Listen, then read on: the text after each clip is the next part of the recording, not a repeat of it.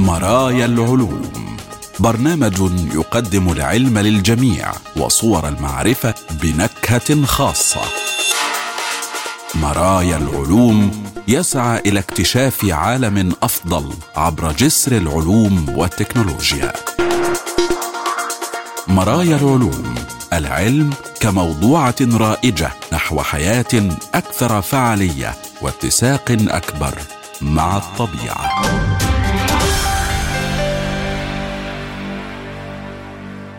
أهلا بكم مستمعينا الكرام وحلقة جديدة من برنامج مرايا العلوم حيث العلوم والحياة وصور المعرفة وتردداتها بلا حدود والسعي نحو غد أفضل يتسع للجميع ويفتح ذراعيه لعقول السلام.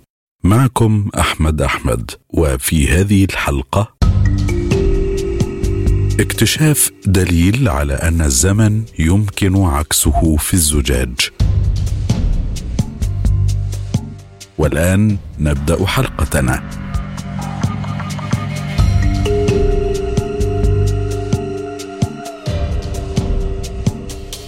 ارتبطت الأوبئة التي دمرت الإمبراطورية الرومانية بفترات الطقس البارد.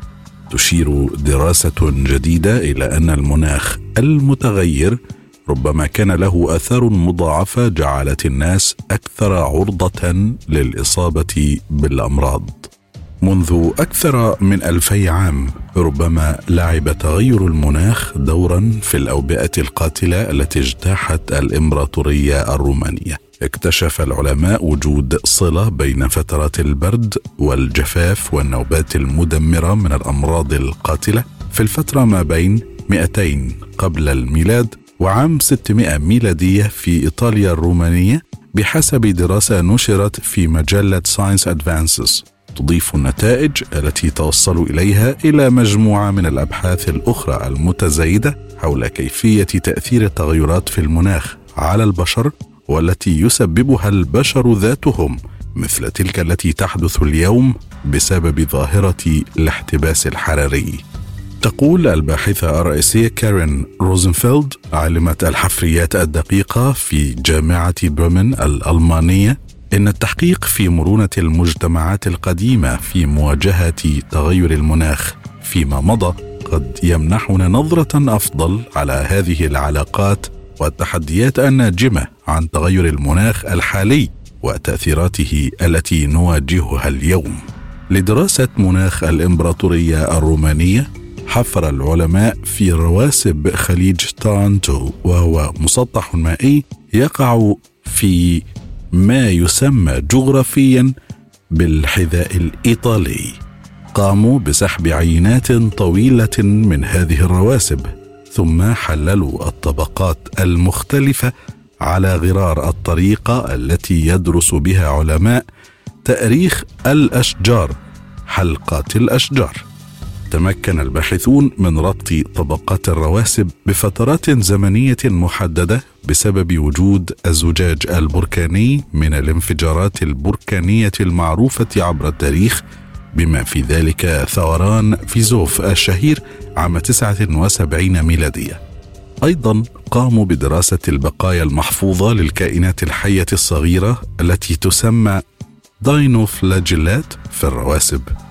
تفضل هذه الأنواع المختلفة ظروفا مناخية مختلفة. بعضها يزدهر خلال فترات الطقس البارد بينما يتكثر بعضها الآخر خلال أوقات هطول الأمطار العالية. واستنادا إلى الداينوفلاجيلات تمكن الفريق من إعادة إنشاء جدول زمني مناخي لإيطاليا الرومانية.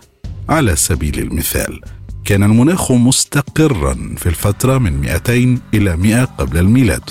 وتشير النتائج بعد ذلك إلى أن ثلاث فترات شديدة البرودة ضربت هذه المنطقة بين 160 و 180 ميلادية وبين 245 وحتى 274 ميلادية وكذلك بعد 500 عام من الميلاد. كل هذه الفترات الثلاث تتوافق والأوبئة الموثقة. الأول كان طاعون جالينوس المعروف أيضا باسم الطاعون الأنطوني والذي من المحتمل أنه نشا في غرب آسيا وتسبب في الإسهال والبثرات الجلدية والحمى. تزامنت موجة البرد الثانية مع طاعون قبرص بينما تزامنت الموجة الثالثة مع طاعون جستنيان وهو أول تفش معروف للطاعون في غرب أوراسيا. كانت الروابط بين نوبات البرد والأوبئة واضحة للغاية لدرجة أنه كان أحد تلك الأوقات التي تقول فيها كعالم هذا رائع. من المحتمل أن البرد لم يتسبب بشكل مباشر في تفشي المرض. بدلا من ذلك ربما يكون قد أدى إلى تفاقم عوامل أخرى جعلت الناس أكثر عرضة للإصابة بالمرض. وربما لم يتمكن المزارعون من زراعة ما يكفي من الغذاء مما أدى إلى سوء التغذية. وربما أيضا أدى اضطراب المناخ إلى ظهور المزيد من الجرذان والبعوض وغيرها من الآفات التي تحمل الأمراض. ربما وربما وربما. اذا ربما أيضا تكون فترات الطقس البارد هذه قد ساهمت سواء بشكل مباشر أو بشكل غير مباشر في سقوط الإمبراطورية الرومانية ذاتها في نهاية المطاف. يقول الباحث المشارك في الدراسة كايل هاربر وهو عالم كلاسيكي في جامعة أوكلاهوما إن الإمبراطورية الرومانية تصعد وتهبط وتصعد ثم تهبط. هناك سلسلة من الأزمات الشديدة للغاية في بعض الحالات وأعتقد أن القضية أصبحت الآن واضحة للغاية. وهي أن تغير المناخ والأمراض الوبائية كان لهما دور في العديد من تلك الأحداث. بالإضافة إلى تقديم رؤى ثاقبة للماضي يمكن أن يساعد البحث الجديد في إثراء الأساليب المعاصرة لتغير المناخ والأمراض كما يقول سيث بيرنارد المؤرخ بجامعة تورونتو والذي لم يشارك في الدراسة. لكن في الوقت ذاته يشير إلى أن إنتاج الغذاء قد تغير كثيرا منذ العصر الروماني ويوضح لقد كانوا يحققون فائضا عندما كان اقتصادهم مزدهرا لكن الهوامش كانت صغيرة للغاية. خلال موجة البرد ربما تكون التغييرات صغيرة جدا وهذه التغييرات الصغيرة جدا في تلك الهوامش ربما كانت ذات أهمية فائقة.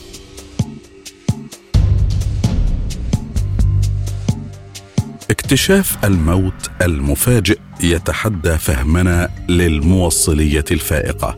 إن دوامات الفوضى الكمومية التي تظهر تلقائيا في طبقات رقيقة ذريا من المواد العازلة قد حيرت الفيزيائيين مما يتطلب مراجعات للنماذج التي يمكن أن تحل بعض المشكلات الملحة في السعي لفهم الموصلية الفائقة. قام فيزيائيون تجريبيون من جامعة برينستون في الولايات المتحدة والمعهد الوطني الياباني لعلوم المواد بفحص المظهر التلقائي للتقلبات الكمومية عند نقطة التحول مما يوصف بازدحام مرور الإلكترون إلى طريق سريع فائق التوصيل الذي يقطع مشهدا ثنائي الأبعاد. يقول سانفينغ وو الفيزيائي وكبير الباحثين في جامعة برينستون كيف يمكن تغيير مرحلة الموصلية الفائقة إلى مرحلة أخرى؟ هو مجال دراسة مثير للاهتمام. لقد كنا مهتمين بهذه المشكلة في المواد البلورية الرقيقة والنظيفة والمفردة لفترة من الوقت. تواجه الإلكترونات التي تنجرف عبر الأسلاك النحاسية خلف الحوائط الجافة صعوبة في الانتقال مثلا من النقطة A إلى النقطة B. قم بتشغيل جهاز التلفزيون الخاص بك وسينكشف الجنون في ساعة الذروة في تلك الأسلاك حيث تنحرف الإلكترونات وتصطدم وتطلق أبواقها الإلكترونية الصغيرة وتهز إلكتروناتها الصغيرة. القبضات الإلكترونية مع ارتفاع درجة حرارة محركاتها الإلكترونية الصغيرة. اذا الموصلية الفائقة هي الحلم إنها حركة سهلة سلسة من البداية إلى النهاية لا حرارة ولا طاقة مهدرة إنها فعالة تماما بقدر ما يمكن أن تكون. فعاله كما ينبغي مثالية لتوليد مجالات كهرومغناطيسية قوية أو حوسبة عالية السرعة لا تذوب في بركة ما. ومع ذلك فهي أيضا ليست مرحلة سهلة من الموصلية لإنتاجها. ويحدث ذلك عندما تفقد الإلكترونات إحساسها بالفردية وتقع في حالة تزامن وتشكل ما يعرف بأزواج كوبر القادرة على التعامل مع الجوار الذري لها بسهولة وهدوء تشبه ما يوصف بحالة الزن تشبيها لما يعتري معتنق هذه العقيدة من سكينة. يتطلب هذا مستوى من البرودة لا يمكن تحقيقه إلا باستخدام بعض المعدات الثقيلة والمثيرة للاعجاب ومع ذلك إذا استطاع الباحثون أن يفهموا بدقة ما الذي يحفز هذا التحول الكمي والدور الذي تلعبه درجة الحرارة فقد يتمكنون من الاكتفاء بقدر أقل من التبريد. يتضمن أحد مجالات البحث فحص السلوك الكمي للإلكترونات المحاصرة على أسطح ثنائية الأبعاد فعليا نظرا لحرمانها القدرة على التحرك لأعلى ولأسفل فإن الظواهر الكمومية تجعل انتقالها إلى حالة فائقة التوصيل أكثر صعوبة. يقول نايف وان أونغ عالم الفيزياء في جامعة برينستون عندما تذهب إلى أبعاد أقل تصبح التقلبات قوية جدا لدرجة أنها تقتل أي احتمال للموصلية الفائقة. أفضل وصف للقاتل الأساسي لحالة زن أي السكينة والاستقرار للإلكترون هو الدوامة الكمومية أو كما يصفها نايفون أونغ الإصدارات الكمومية من الدوامة التي ترى عندما تستنزف حوض الاستحمام. وفقا لما يعرف باسم انتقال BKT بعد الحائزين على جائزة نوبل فاديم بيريزينسكي وجون كوسترليتز وديفيد ثولس تختفي دوامة الموت القاتلة هذه في المواد ثنائية الأبعاد عندما تنخفض درجة الحرارة. بمستوى كاف. من خلال دراسة هذه المساحة من الأعاصير الكمومية التي تسبب الفوضى في حالات الموصلية الفائقة قام وفريقه بصناعة طبقة واحدة من ثنائي تيلورايد التنغستن شبه المعدني والذي عند أي شيء أكثر دفئا من الصفر المطلق يصبح عازلا خانقا للطاقة. مع ذلك فإن ضخ ما يكفي من الإلكترونات يجبر التيار على التدفق بطريقة فائقة التوصيل. ومع هذا لاحظ الباحثون شيئا غريبا تماما عندما انخفضت درجة الحرارة. أضف ما يكفي من الإلكترونات وستحصل على الموصلية الفائقة. مع ذلك عند مستوى حرج من حركة الإلكترونات تعود زوابع الجنون الكمي هذا مما يؤدي ايقاف إيقاف التيار. كشف قياس الدوامات أنها لم تكن دوامات كمومية عادية بل ظلت ثابته عند درجات حرارة ومجالات مغناطيسية أعلى مما تمليه النظرية. عندما ينخفض عدد الإلكترونات إلى ما دون كمية محددة تختفي الدوامات فجأة. يقول توقعنا أن نرى تقلبات قوية مستمرة تحت كثافة الإلكترون الحرجة على الجانب غير فائق التوصيل تماما مثل التقلبات القوية التي شهدت أعلى بكثير من درجة حرارة التحول أو ما يعرف ب بي كي تي ومع ذلك ما وجدناه هو أن إشارات الدوامة تختفي فجأة في اللحظة التي يتم فيها تجاوز كثافة الإلكترون الحرجة. وكان هذا بمثابة صدمة. لا يمكننا تفسير هذه الملاحظة على الإطلاق. الموت المفاجئ للتقلبات. تقدم النماذج الجديدة إمكانيات طرق جديدة للبحث قد تؤدي إلى تكنولوجيا جديدة. ونظرا للفوائد المحتملة لتطوير الموصلية الفائقة في درجة حرارة الغرفة فمن المفيد الحصول على خريطة جيدة للطقس على المشهد الكمي.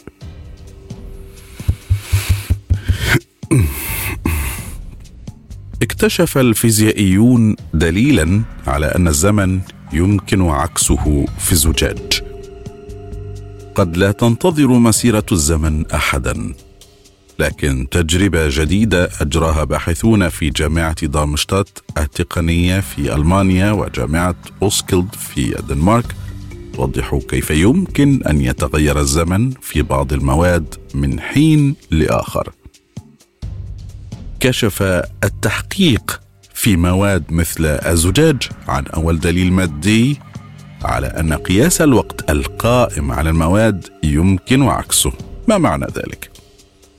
في أغلب الأحيان لا تهتم قوانين الفيزياء إلا قليلا بسهم الزمن. اقلب معادلة تصف حركة جسم ما ويمكنك بسهولة حساب مكان بدايتها. نحن نصف هذه القوانين بأنها قابلة للعكس بالزمن. في حين أن العديد من القوانين الفردية تتجاهل أحيانا فإن مصير كوننا ككل تمليه قوة الفوضى الحتمية. في اتجاه واحد يسير. في اتجاه واحد تجد البيض الطازج. وفي الاتجاه الآخر تجد العجة. لن تحصل إذن على أي قدر من الحسابات من خلال بيضة مستديرة عادية لطيفة مرة أخرى. من الناحية العلمية يمكننا القول إن الزمن هو سمة من سمات القانون الثاني للديناميكا الحرارية ميل الأنظمة المعزولة إلى أن تكون أكثر اضطرابا مما كانت عليه في الماضي بطرق لا يمكن إعادة لفها بسهولة. من الصعب تحديد ما الذي يقرر ما إذا كان النظام المادي قابلا للعكس أو مدفوعا بهذه الانتروبيا. يمكننا أن نتخيل بسهولة صدأ سيارة قديمة أو تعرض تمثال للعوامل الجوية أو التحلل المستمر لسفينة على الشاطئ ومع ذلك فإن المواد مثل الزجاج يمكن أن تتغير ببطء بطرق لا علاقة لها بقوى التآكل الخارجية. تتكون من خليط من الجسيمات السائلة والمواد غير البلورية التي تشمل البوليمرات المختلفة والمواد الصلبة غير المتبلورة مثل الزجاج. تسترخي في حالة مستقرة نظريا وفقا لساعتها التي تحركها الإنتروبيا فكر في الأمر كنوع من النظرية النسبية الخاصة التي لا تعتمد على الجاذبية أو التسارع بل على إعادة التشكيل المستمر للجزيئات المتنوعة التي تقع في مكانها ديناميكيا حراريا. يصف الفيزيائيون هذا المقياس للشيخوخة بأنه الزمن المادي وعلى الرغم من أن هذا المفهوم كان موجودا منذ أوائل سبعينيات القرن العشرين إلا أن تفسيره فيما يعرف باسم شكلية الأداة لم يتم قياسه تجريبيا على الإطلاق. هناك سبب وجيه لذلك. يتقادم الزجاج ببطء بطرق لا يمكن التقاطها بمجرد مشاهدته من قرب. يقول المؤلف الرئيسي وهو عالم فيزياء المادة المكثفة من جامعة دارمشتات الألمانية التقنية لقد كان تحديا تجريبيا كبيرا. الفريق استخدم بذكاء كاميرا فيديو حساسة للغاية لتسجيل ضوء الليزر المتناثر والذي عند ضرب عينة زجاجية شكل أنماط تداخل يمكن تفسيرها احصائيا على أنها تقلبات تنقل احساسا بالوقت المادي داخل ثلاث مواد مختلفة مكونة للزجاج. وبدلا من أن يظلوا على طريق ما نحو التوازن وجدوا دليلا على أن الزمن يمكن بالفعل عكسه على المستوى الجزيئي ويتغير مع دفع الجسيمات وسحب بعضها البعض إلى ترتيبات جديدة شكليا. قم بترجيع العملية برمتها حيث يصبح من المستحيل معرفة ما إذا كان يتم تشغيل الفيلم للأمام أم للخلف. يقول الباحثون ومع ذلك فإن هذا لا يعني أنه يمكن عكس عمر المواد.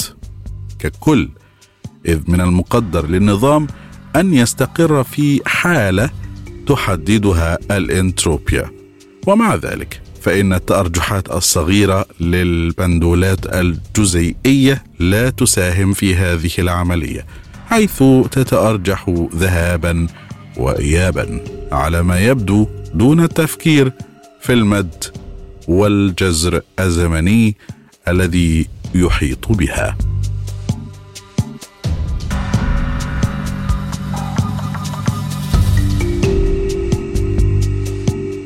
العثور على جسيمات نانوية في بعض أقدم الصخور في العالم. تتضمن أدلة حول أصول الحياة. توجد داخل بعض أقدم الصخور على وجه الأرض. بلورات نانوية تم التغاضي عنها سابقا لكنها تحكي في الواقع قصة مهمة وملهمة عن كيفية ظهور الحياة. يقول علماء الأرض في جامعة غرب أستراليا وجامعة كامبريدج ان النتائج التي توصلوا إليها يمكن أن تفسر لماذا أصبح الفوسفور لبنة بناء رئيسية للحياة وكيف تندمج الجزيئات معا لأول مرة لتشكل الحمض النووي الريبي البدائي في الفتحات الحرارية المائية في قاع البحر.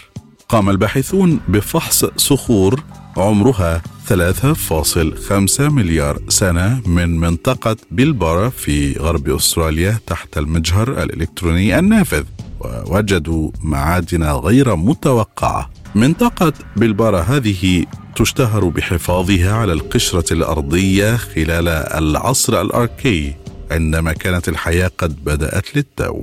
الصخور في هذه المنطقة عبارة عن كبسولة زمنية إذا تحتوي على أفكار حول كيمياء ما قبل الحيوية. من بعيد يمكن للعين المدربة التعرف على صخرة بلبارا الحمراء المخططة على أنها مزيج من الكوارتز الناعم جدا الذي يحتوي على السيليكون والأكسجين والهيماتايت المكون من الحديد والأكسجين. وهو مزيج يعرف باسم جاسبيليت. الفحص الدقيق يكشف شيئا مفاجئا. بلورات نانوية مخفية ذات خصائص مثيرة للاهتمام تنتشر في جميع أنحاء الطبقات الخاصة بجزيئات دقيقة من الجرينالايت وهو معدن يحتوي على الحديد والسيليكون والأكسجين تم قذفه من فتحة حرارية مائية قريبة وترسب في قاع البحر منذ مليارات السنوات. يقول بيرجر راسموسن الجيولوجي بجامعة غرب أستراليا لقد وجدنا مختبئا بين أكاسيد الحديد الأكثر وضوحا والتي تعطي الصخور لونها الأحمر الساطع.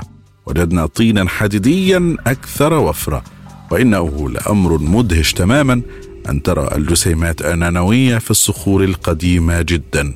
وجزء من السبب في ذلك هو أنها مغلقة في هذه المواد الخاملة كيميائيا بشكل نسبي. على المستوى النانوي فإن بنية الجرينلايت غير عادية. حواف الجسيمات مموجة بسبب عدم المحاذاة في بنيتها البلورية بين الطبقات ثماني السطوح الغنية بالحديد وطبقات رباعي السطوح الغنية بالسيليكا. يقول راسموسن إنها تنتج سلسلة من الأخاديد المتوازية على الحواف ذات الحجم المثالي لأشياء مثل الحمض النووي ان اي والحمض النووي اي موضحا أن هذا يجعل جسيمات الطين النانويه أداة تحفيزية مثالية لمحاذاة مكونات هذه الجزيئات الحيوية. حتى تتمكن من الاندماج معا بسهولة. فمنذ مليارات السنوات ربما أنتجت الفتحات الحرارية المائية هذه تريليونات من جزيئات الطين المجهرية ذات الأخاديد التي تعمل كخطوط للتجميع. وتركز الحمض النووي الريبي RNA أو ما قبل الحمض النووي الريبي حتى تعتبر الفتحات الحرارية المائية منذ فترة طويلة مكانا محتملا لظهور الحياة. وتوفر الموقع المثالي لحدوث هذه العملية فهي تضخ مياه البحر باستمرار عبر غرف الصهارة وتقذف أعمدة دخانية ساخنة مليئة بالمواد المغذية إلى المحيط. يقول راسموسن إنه مكان رائع لحدوث التفاعلات الكيميائية لأنها مناطق ذات تدرجات شديدة تحتوي الصخور التي يبلغ عمرها ثلاثة مليارات و500 مليون سنة. من بالبارا أيضا تحتوي جسيمات نانوية من الفلورابتايت وهو معدن مصنوع من الأكسجين والكالسيوم والفلور والفوسفور. وبالفعل فقد تحير العلماء حول سبب وجود الفوسفور في العديد من الهياكل البيولوجية. بما في ذلك الحمض النووي والأغشية والدهون على الرغم من التركيزات المنخفضة للعنصر في المحيط. لكن وجود معدن الفلورابتايت المحتوي على الفوسفور في صخور عمرها أكثر من مليار سنة يقدم بدوره تفسيرا محتملا. فلربما كانت الفتحات الحرارية المائية مصدرا مبكرا للفوسفور الذي يمكن الوصول إليه. تشير نماذج الباحثين إلى أن تركيز الفوسفور في مياه البحر العميقة قبل ثلاثة مليارات سنة ونصف المليار كان على الأرجح أعلى بما يتراوح بين عشر إلى مئة مرة مما هو عليه اليوم. لماذا اختارت الحياة الفوسفور للعديد؟ من العمليات البيوكيميائية الأساسية بما في ذلك تصنيع المواد الوراثية في حين أنه نادر جدا في المحيطات اليوم. قد يكون الجواب هو ان الفوسفور كان أكثر وفرة خلال نشأة الحياة وتطورها المبكر. تطور الجنين مرتبط بعدوى فيروسية عمرها 500 مليون عام. تم ربط مرحلة مبكرة حرجة من التطور الجنيني بفيروس اختلط مع الحمض النووي السلفي من الكائنات المعقدة مثلنا منذ أكثر من 500 مليون سنة. وتشير التقديرات إلى أن المواد الجينية مما يسمى الفيروسات القهقرية الداخلية التي أصابت الكائنات الحية الأولى على وجه الأرض وتركت علامات في الحمض النووي لدينا تشكل نحو 10% من الجينوم البشري الحديث. إذا العلاقة المكتشفة حديثا بين هذه الفيروسات ونمو الأجنة لها آثار على إنشاء أجنة صناعية والعمل على الأدوية التجديدية وفقا للباحثين في إسبانيا بمركز أبحاث السرطان يقول عالم الأحياء سيرجيو ديلوروزا من سنايو. حتى وقت قريب كانت هذه البقايا الفيروسية تعتبر مجموعة من جمل وعبارات الدي ان اي غير المرغوب فيها ومواد وراثية غير قابلة للاستخدام أو حتى قل إنها ضارة. وبشكل بديهي كان يعتقد أن وجود فيروسات في الجينوم لا يمكن أن يكون امرا جيدا بالمرة. إلى هنا مستمعينا الكرام نكون قد وصلنا وإياكم إلى خاتمة هذه الحلقة من برنامج مرايا العلوم. شكرا جزيلا حسن إصغائكم وإلى اللقاء.